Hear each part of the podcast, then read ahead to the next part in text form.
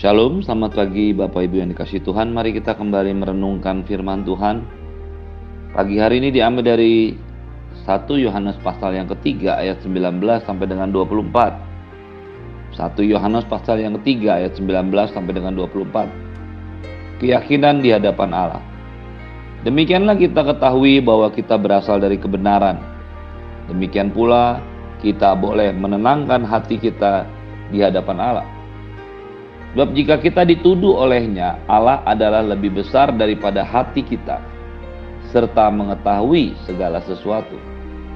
Saudara-saudaraku yang kekasih, jikalau hati kita tidak menuduh kita, maka kita beroleh keberanian percaya untuk mendekati Allah. Dan apa saja yang kita minta, kita memperolehnya daripadanya. Karena kita menuruti segala perintahnya dan berbuat apa yang berkenan kepadanya. Dan inilah perintahnya supaya kita percaya dalam nama Yesus Kristus anaknya. Dan supaya kita saling mengasihi sesuai dengan perintah yang diberikan Kristus kepada kita. Barang siapa menuruti segala perintahnya, ia, di dalam, ia diam di dalam Allah dan Allah di dalam dia.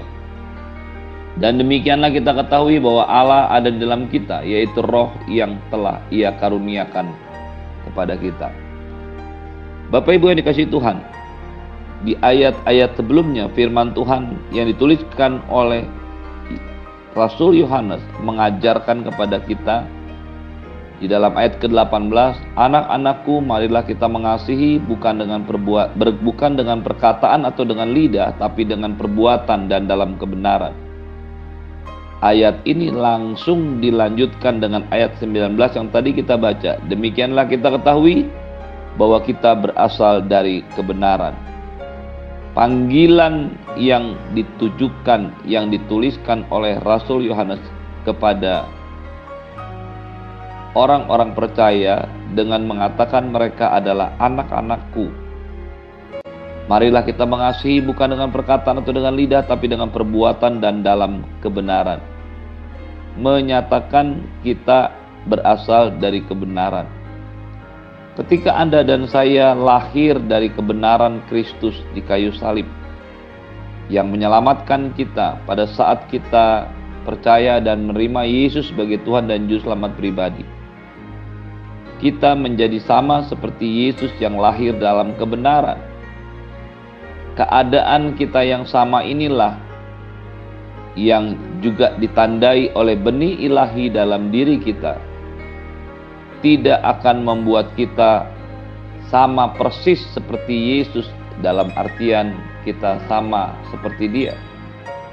Tetapi benih ilahi yang ada di dalam diri kita itulah yang akan membawa kita bertindak, berlaku, berpikir, berbicara sesuai dan sama seperti dia. Sehingga kesempurnaan Kristus menjadi satu hal yang mungkin bisa Anda dan saya lakukan. Segala tindakan, perkataan, perbuatan, kehidupan yang Yesus alami sebagai manusia, itulah yang bisa dan mungkin terjadi dalam hidup kita. Dengan tetap mengingat kita tidak mungkin menjadi Allah, karena kita adalah anak-anak Allah. Ketika kita mengetahui bahwa kita adalah anak-anak Allah, orang yang lahir dari kebenaran, yang berasal dari kebenaran, maka inilah yang dikatakan oleh firman Tuhan, demikian pula kita boleh menenangkan hati kita di hadapan Allah.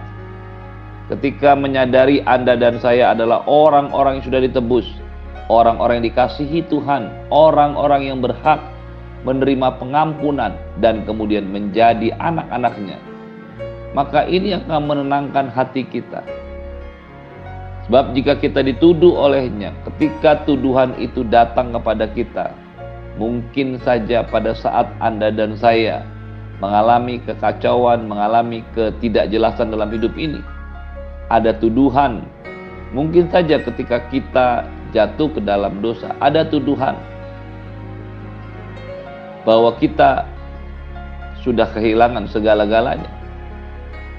Maka Allah yang lebih besar ada daripada hati kita serta mengetahui segala sesuatu akan menenangkan hati kita. Tentu saja ayat ini tidak boleh dipahami Anda dan saya menjadi sembarangan atau gampang berbuat dosa.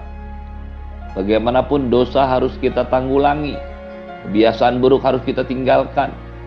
Hal-hal yang tidak berkenan kepada Allah haruslah bukan menjadi bagian atau ciri hidup kita.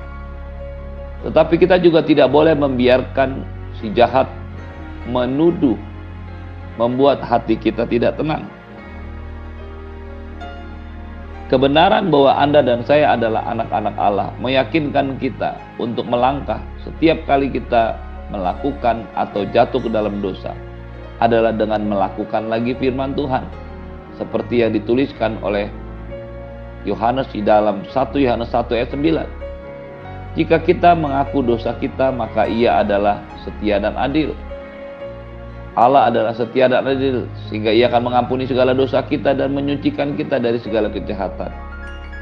Ketika Anda dan saya jatuh ke dalam dosa, ketika kita gagal mentaati firman Tuhan, segeralah bertobat dan datang kepada Tuhan untuk menerima pengampunannya, untuk membuat satu pengakuan. Maka Allah yang setia dan adil akan mengampuni segala dosa dan pelanggaran kita. Dan kita bebas dari tuduhan Saudara-saudaraku yang kekasih ayat 21 mengatakan, jikalau hati kita tidak menuduh kita, maka kita mempunyai keberanian percaya untuk mendekati Allah. Ini adalah satu prinsip yang sangat luar biasa yang diberikan kepada Anda dan saya sebagai orang-orang percaya, sebagai anak-anak Allah. Ketika Anda dan saya taat, ketika Anda dan saya melakukan segala perintah Tuhan dan melakukan semua yang berkenan kepadanya, tidak boleh ada tuduhan yang bisa Anda dan saya dengarkan. Jika hati kita tidak menuduh kita, maka kita mempunyai keberanian percaya untuk mendekati Allah. Kata keberanian percaya berasal dari bahasa Yunani parheisia. Parheisia itu menunjukkan kebebasan untuk berbicara, berkata-kata tanpa sisa tanpa sesuatu yang disembunyikan, terbuka tanpa kebingungan. Dari sini kata keberanian percaya juga menunjukkan bebas untuk berkata-kata, berbicara, bersikap, yakin penuh, tidak ada yang disembunyikan.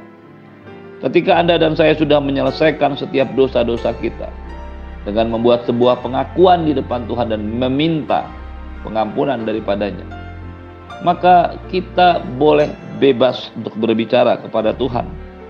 Kita boleh bersikap bebas kepada Tuhan, mendekat kepada Allah, yakin penuh. Semuanya sudah diakui, tidak ada yang disembunyikan lagi, atau disimpan, atau disisakan. Inilah yang dimaksudkan oleh firman Tuhan, jika hati tidak menuduh kita, maka kita mempunyai keberanian percaya untuk mendekati Allah. Dan apa saja yang kita minta kita memperolehnya daripadanya karena kita menuruti segala perintahnya dan berbuat apa yang berkenan kepadanya. Ketika Anda dan saya belajar taat, belajar untuk menuruti segala perintahnya dan berbuat semua yang berkenan kepadanya, maka kita akan memperoleh apa saja yang kita minta. Ayat ini tidak boleh dipotong dan diambil begitu saja dengan mengatakan apa saja yang kita minta Tuhan akan menurutinya. Kita harus membaca ayat ini secara lengkap dan jelas. Apa yang dituliskan menurut konteks dari ayat-ayat yang kita baca tidaklah boleh kita lepaskan. Tentu saja ada satu jaminan yang sangat luar biasa bagi setiap orang percaya yang taat kepada Tuhan, menuruti segala perintahnya dan berbuat setiap yang berkenan kepadanya. Apa saja yang dia minta akan dituruti oleh Tuhan. Tentu saja setelah orang tersebut berani berkata, "Aku sudah melakukan segala perintah Tuhan. Aku sudah hidup berkenan kepadanya. Aku sudah membuat sebuah pengakuan dan meninggalkan setiap kelemahan dan dosa-dosaku. Tidak ada lagi yang menuntutnya, tidak ada lagi yang bisa menuduh kita, karena hati kita, roh manusia adalah pelita Tuhan. Ke mana saja Tuhan mau mengarahkannya ketika Anda dan saya hidup bebas dari tuduhan. Karena kita bukan saja sudah meninggalkan dosa, tapi kita sudah mengakuinya. Dan kita sudah belajar untuk bertumbuh, untuk mengenal Tuhan, mengikut Tuhan, mentaati semua yang firman Tuhan katakan. Ketika Anda dan saya hidup dalam kondisi yang seperti ini. Ada satu jaminan yang sangat luar biasa dari firman Tuhan bahwa apa saja yang kita minta, apa saja yang kita doakan itu akan diberikan kepada kita. Karena kita menuruti segala perintahnya dan berbuat berkenan kepadanya. Untuk doa Anda dan saya bisa dijawab, apa pun doa itu, diperlukan satu ketaatan dan diperlukan sikap hati yang mau berkenan kepada Allah. Yohanes pasal 8 ayat 29 berkata, "Dan ia yang telah mengutus aku menyertai aku, dan ia tidak membiarkan aku sendiri, sebab aku senantiasa berbuat apa yang berkenan kepadanya." Inilah yang dikatakan oleh Tuhan Yesus tentang dirinya dan hubungannya dengan Bapa. Perhatikanlah Sekalipun Yesus adalah anak Allah, lahir daripada Roh Kudus. Dia yang telah diutus Allah. Bapa menyertai dia. Bapa tidak membiarkan dia sendiri. Tetapi semua itu terjadi karena Tuhan Yesus berkata, "Aku senantiasa berbuat apa yang berkenan kepadanya." Pagi hari ini, pastikan sikap hati dan tindakan yang sama juga ada dalam hidup Anda dan saya. Kalau kita menginginkan semua doa-doa kita dijawab dan dituruti Tuhan. Ketika hati kita senantiasa berbuat apa yang berkenan kepadanya, hidup kita dipenuhi dengan segala ketaatan firman Tuhan, maka doa apa pun doa yang diminta dan dipanjatkan akan dikatakan, akan dikabulkan oleh Tuhan. Ini adalah satu firman Tuhan anda dan saya tidak bisa mengklaim semua doa kita dijawab, dikabulkan, dituruti oleh Tuhan. Ketika Anda dan saya belum ada dalam posisi taat dan berbuat semua yang berkenan kepadanya. Karena itu pagi hari ini, biarlah firman Tuhan ini menyadarkan kita kembali untuk terus menguatkan hati, mengikut Tuhan, taat semua perintahnya, dan berbuat semua yang berkenan kepadanya. Ayat 24 mengatakan, barang siapa menuruti segala perintahnya, ia diam di dalam Allah dan Allah di dalam dia. Mengapa setiap doanya dituruti dan dia dan dijawab oleh Allah? Apakah tidak ada kekhawatiran daripada Allah kalau ada permintaan doa yang mungkin tidak berkenan kepada Allah? Ayat ini menjelaskan, barang siapa menuruti segala perintahnya, ia diam di dalam Allah dan Allah di dalam dia. Ketika setiap orang percaya sudah sampai ke dalam satu tahapan atau fase kehidupan, menuruti segala perintah Tuhan, maka orang itu pastilah diam di dalam Allah dan Allah di dalam dia. Ada satu kesatuan hati, ada satu kesatuan kesatuan pikiran, kesatuan jiwa, dan inilah yang menyebabkan setiap doanya pasti dijawab dan dituruti, dia dituruti Tuhan. Paulus pernah berkata, barang siapa mengikatkan diri dengan Tuhan menjadi satu roh dengan dia. Ketika Anda berpikir seperti Yesus, ketika Anda berbicara seperti Yesus, ketika Anda dan saya bertindak seperti Yesus, maka pastilah semua doa-doa kita dijawab Tuhan.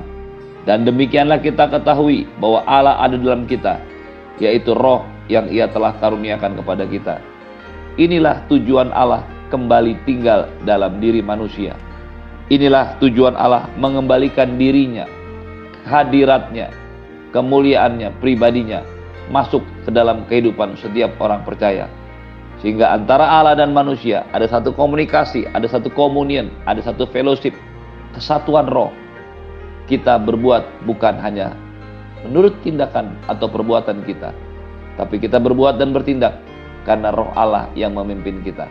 Ketika saya dan Anda sudah sampai ke dalam posisi ini, pastilah keinginan kita adalah keinginan Dia, kemauan kita adalah kemauannya, tindakan kita adalah tindakannya, doa kita akan menjadi doanya, dan pastilah semuanya dituruti Tuhan. Terimalah berkat yang berlimpah dari Bapa di surga cinta kasih dari Tuhan Yesus, penyertaan yang sempurna daripada Roh Kudus, menyertai hidupmu hari ini dan sampai selama-lamanya. Di dalam nama Tuhan Yesus semua yang percaya katakan amin. Shalom selamat pagi. Selamat beraktivitas Tuhan Yesus memberkati.